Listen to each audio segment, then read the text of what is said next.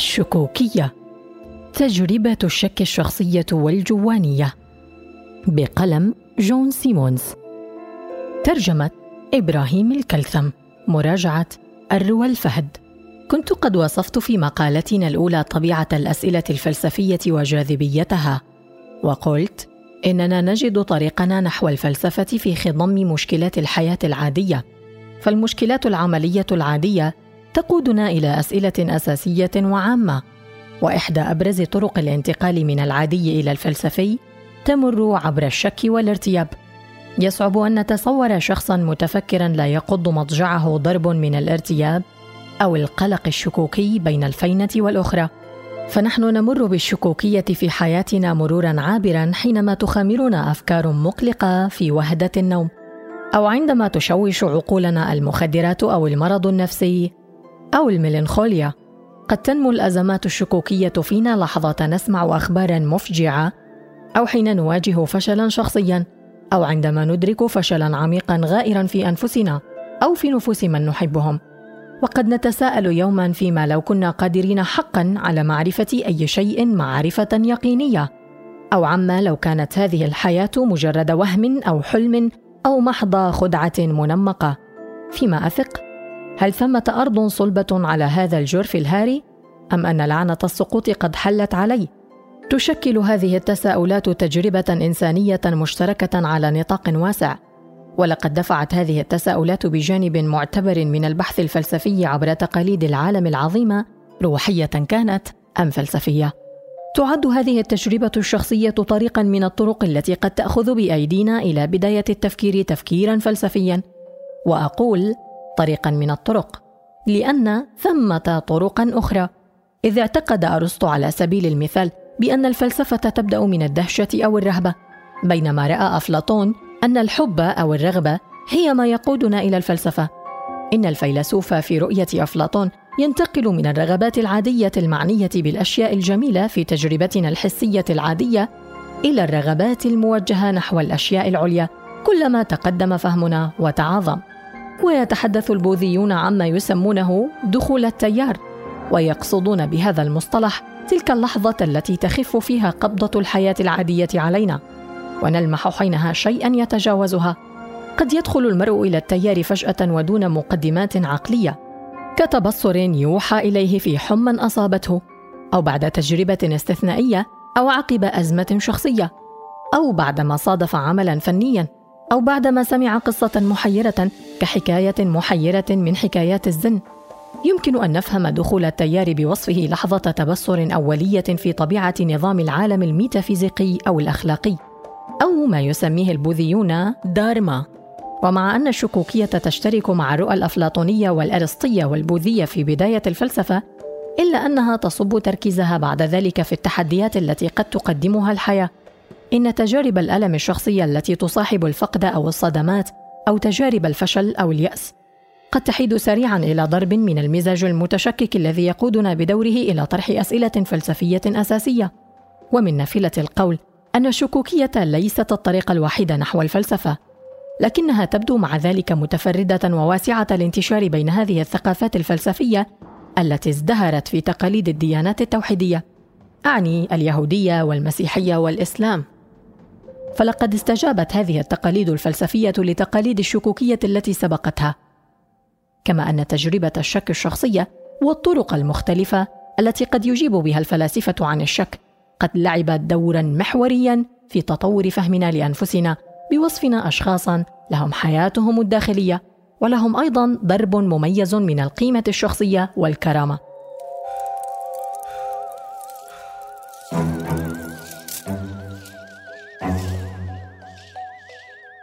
فمن أغسطين.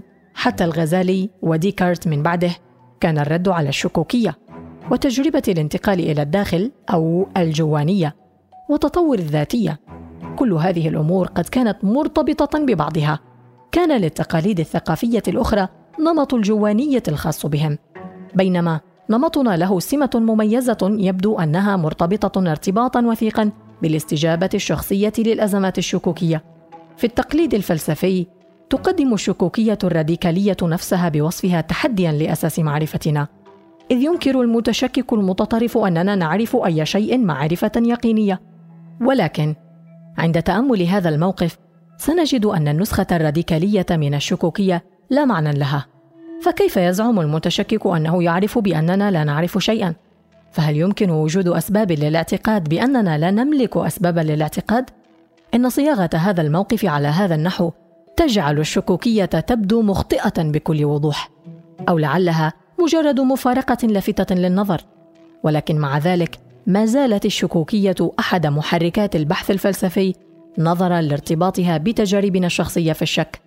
تمر لحظات الشك في حياة كثير منا مرورا عابرا، ونعود بعدها إلى طمأنينتنا المعتادة، ولكن مع ذلك فإن لهذه اللحظات أهميتها بمعنى ما. فتلك اللحظات التي نلاحظ فيها بأن كل شيء حولنا ليس صحيحا قد تزلزل العادات القاتلة في حياتنا اليومية، وقد تهز آليات تفكيرنا الكسولة والواثقة. ولعل هذه اللحظات في صالحنا في حال أجبرتنا على إعادة النظر في أنشطتنا والتزاماتنا. إذ يتسبب المزاج المتشكك في جعلنا نبدأ بمساءلة ما نعتمد عليه. ما الذي يمكن الوثوق به؟ ما الذي له قيمة فعلا؟ وما الذي له معنى حقا؟ لابد أن تفسح الحياة البشرية الكاملة مجالا لهذا النوع من الأسئلة. قد تكون لحظات الشك التي تواجهنا لحظات عسيرة، وعادة ما تغمرنا السعادة حين نهرب منها، أو حين نتخذ موقفا متهكما إزاء حالتنا تلك. إن التهكم موقف مريح تجاه هذه التحديات، ولكنه مع ذلك موقف غير مرض صحيح بأننا مطالبون بالسعي إلى السلوان في مسرات الحياة العادية ولكننا ندرك جميعنا أن وجودا يدور حول الراحة والمرح والأمن هو وجود أدنى من كرامتنا.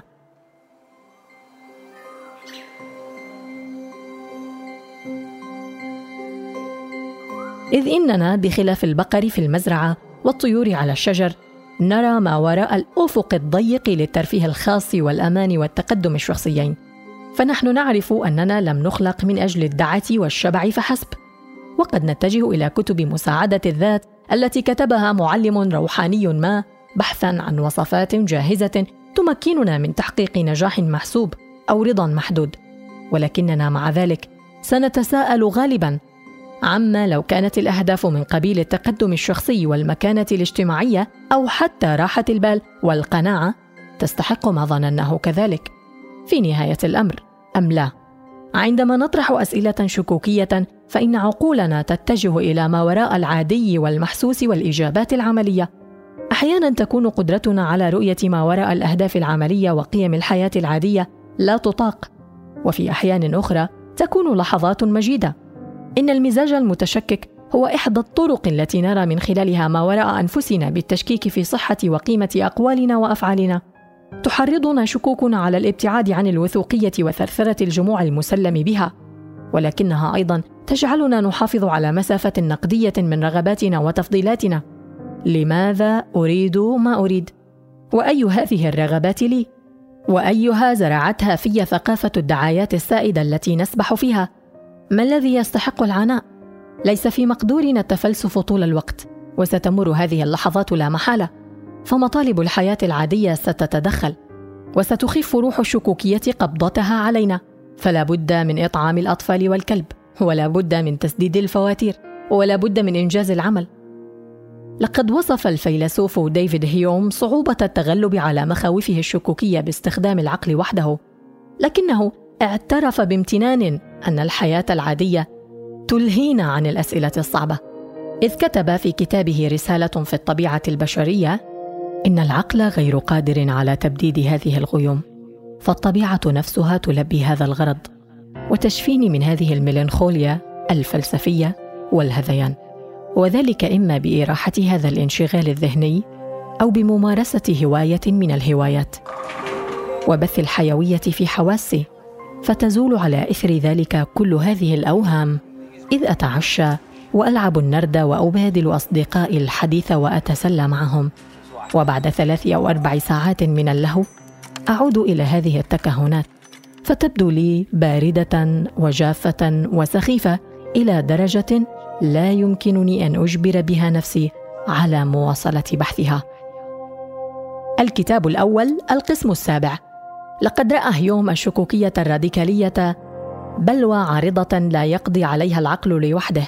أما اليوم فإن عددا قليلا من الفلاسفة المعاصرين يسمون أنفسهم متشككين بالمعنى الصارم للكلمة الذي مفاده ببساطة أننا لا نستطيع معرفة أي شيء. ففي نهاية المطاف أن تزعم زعما واثقا بأنه لا يمكننا أن نعرف شيئا لهو موقف يناقض نفسه بنفسه بكل وضوح. إذا وبدلالة خطرة فإن المتشكك الراديكالي أي ذاك الذي يصل نطاق شكه إلى كل شيء والذي يعتقد بكل صدق أنه لا أمل في معرفة شيء ليس إلا شخصية خيالية. إن المطالب العملية تعني أن شخصا كهذا الشخص لا يوجد إلا في خيالنا الفلسفي. وقد كتب جون لوك عن المتشكك قائلا لن يكون موقنا بشيء في هذا العالم إلا هلاكه العاجل. ان نفع طعامه وشرابه. لن يمنحه سببا كافيا في تأمل نفعهما. وأموت شوقا لمعرفة ما عساه يفعله حين لا يقوى على الشك أو الاعتراض في هذه المواقف. بمصطلحات عملية نقول ليس ثمة طريقة واقعية لمخلوقات مجسدة مثلنا للحفاظ على موقف متشكك منفصل عن العالم لمدة طويلة دون الموت عطشا.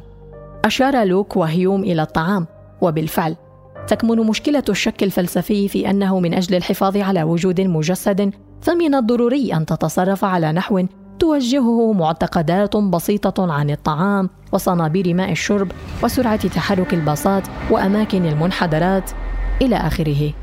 وقد يدافع المتشكك الراديكالي عن نفسه بسهولة ضد هذه المخاوف فيقول حتى وإن لم يكن لي لسوء حظي وجود جسدي هنا على مكتبي وفي موقعي هذا فإن هذا لا علاقة له بصحة قولي من عدمه. فما أقوله أو قلته قد يكون صحيحا والحديث على لسان المتشكك حتى وإن لم أكن موجودا. لعل الطبيعة كتومة. ترفض أن تكشف عن نفسها لحواسنا أو لدراستنا العلمية. وحتى وإن كشفت الطبيعة عن نفسها لعلي لست قادرا على فهم معنى ما كشفت عنه. إن كان صدق الدعاء عن العالم يعتمد على واقع ضمني أو جانب آخر من جوانب الطبيعة يتجاوز تجربتنا المباشرة. فإن صدق ادعاء معرفتي دائما واصطلاحا سيتجاوز قدرتي على التحقق من صحة ذلك الادعاء. ثمة شخصيات وسيناريوهات مألوفة لنا مبنية على صياغة معينة لهذه المشكلة. فنرى في فيلم الماتريكس 1999 كيف اختار نيو الحبة الحمراء وهرب من عالم الماتريكس الزائف الذي حقنه في دماغه آلة شريرة. إن نيو باختياره هذا قد ترك لديفيد هيوم ومن لف لفه الحبوب الزرقاء ولعبة النرد. وفضل حياة الحقيقة على الأوهام المريحة. لعلنا نعيش نحن أيضا في وهم. فكيف أعرف أنني لست أحلم بكل هذا؟ كل ما أعيشه يبدو حقيقيا. لكن هذا الظاهر لا يشير إلى شيء إلا إلى ظهوره. فهو يبدو حقيقيا لكن قد لا يكون كذلك.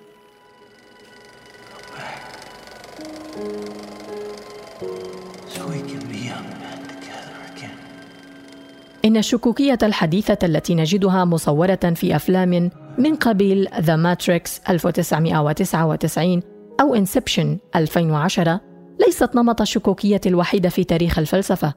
فلقد كانت الشكوكية بالنسبة للمتشككين الإغريق والرومان القدامى أسلوب حياة.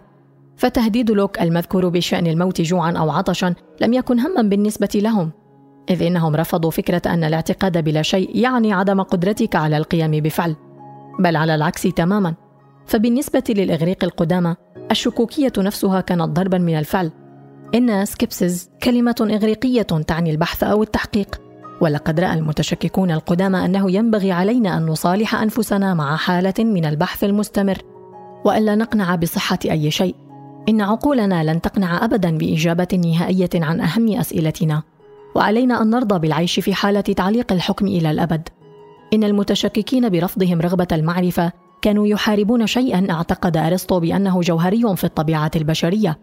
إذ كتب هذا الأخير أن كل البشر بطبيعتهم يرغبون في المعرفة. كان من الممكن أن يتفق المتشككون معه لكنهم رأوا أن رغبة المعرفة هذه ستكون دائما محبطة. فبحسب الفيلسوف المتشكك بيرون بدلا من أن نمتلك رغبة محبطة حري بنا أن نتخلص من هذه الرغبة نفسها. إن التغلب على ضعف بشري مثل الرغبة في المعرفة لم يكن ممكنا دائما حتى لفيرون نفسه.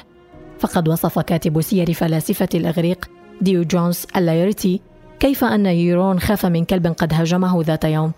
اعترف بيرون بأن ضعفا بشريا اعتراه وأنه يسعى جاهدا لتجاوزه. إن الشكوكية بالنسبة لفلاسفة أمثال سيكتوس إمبريكوس وبيرون هي أن يكبح المرء رغبته في فهم العالم أو تجاهلها. فقد جادل بيرون قائلا بما أن رغبتنا في المعرفة لن تشبع ابدا فإننا قادرون على بلوغ حالة الطمأنينة أو السعادة إن خلصنا أنفسنا منها بقدر وسعنا. وعوضا عن السعي إلى المعرفة ينبغي علينا أن نسعى جاهدين إلى تعليق الحكم. وبدلا من محاولة صياغة النظريات يجب علينا نبذ كل الآراء. لكن عمليا ليس واضحا كيف يمكننا التخلي عن كل آرائنا. كما جادل لوك عن ذلك لاحقا. لكن المغزى بالنسبة للمتشككين القدامى هو أنه لا يمكننا الجزم بصحة معتقداتنا. فكما يجادل سيكتوس إمبريكوس إن الجزم بصحة ادعاء ما عن العالم يعني الجزم بأنه في حوزة أساس أو قاعدة نقرر بناء عليها صحة الادعاء ولكن كيف نصدر حكمنا على موثوقية هذا الأساس أو المعيار؟ من المفترض أن يكون ذلك بواسطة أساس آخر. إذ كتب سيكتوس قائلا إن ثبوت صحة ذلك المعيار يعتمد على صحة المعيار الذي يثبت صحته وهكذا دواليك. وحتى إن اقتنعنا بحجة سيكتوس ولا ينبغي لنا ذلك فإن الفكرة التي مفادها أننا سنعثر على الراحة إن تخلينا عن رغبتنا في المعرفة قد رآها مفكرون قدامى آخرون غير مقنعة. يبدو عدم تصديق شيء طريقا مستبعدا إلى السعادة. لقد واجه القديس أغسطين المقاربة الشكوكية نحو الحقيقة بإشارته إلى أننا في واقع الأمر نعرف قدرا غير يسير دون الحاجة إلى الوثوق بحواسنا أو الاعتماد على سلطات علمية. وقد قامت حجته على حقيقة أننا عندما نردف ادعاءين بالحرف أو فإن الادعاء الجديد صحيح في حال كان أحد الادعاءين أو كلاهما صحيحا. فعلى سبيل المثال لو قلت ثمة أعاصير على سطح القمر أو ثمة أعاصير في ولاية ميزوري فإنني أقول مقولة صحيحة. فالعبارة في كليتها صحيحة وتسليما بخاصية الفصل هذه أي الجمل المتصلة ببعضها بالحرف أو. سيغدو ممكنا أن نبين أننا نعرف الكثير من الأمور الصحيحة دون حاجة إلى أساس أو معيار صحة بالمعنى الذي طلبه سيكتوس.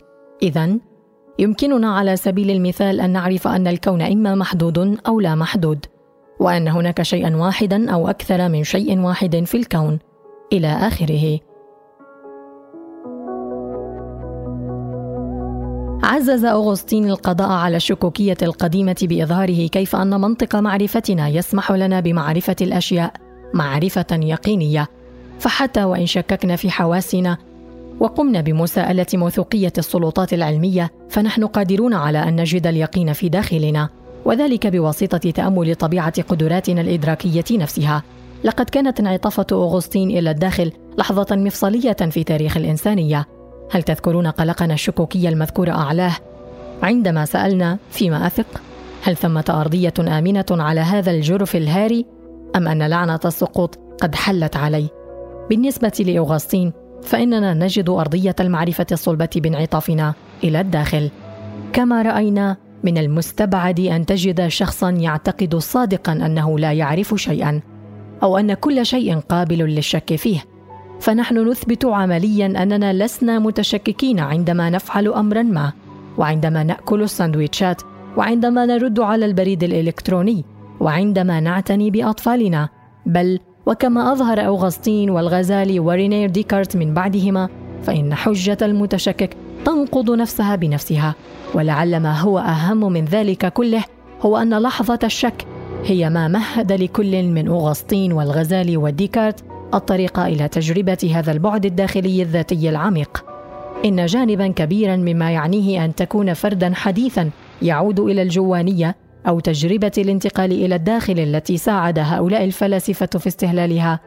وندين بالشكر إلى الشكوكية في نسختيها القديمة. والحديثه على ذلك.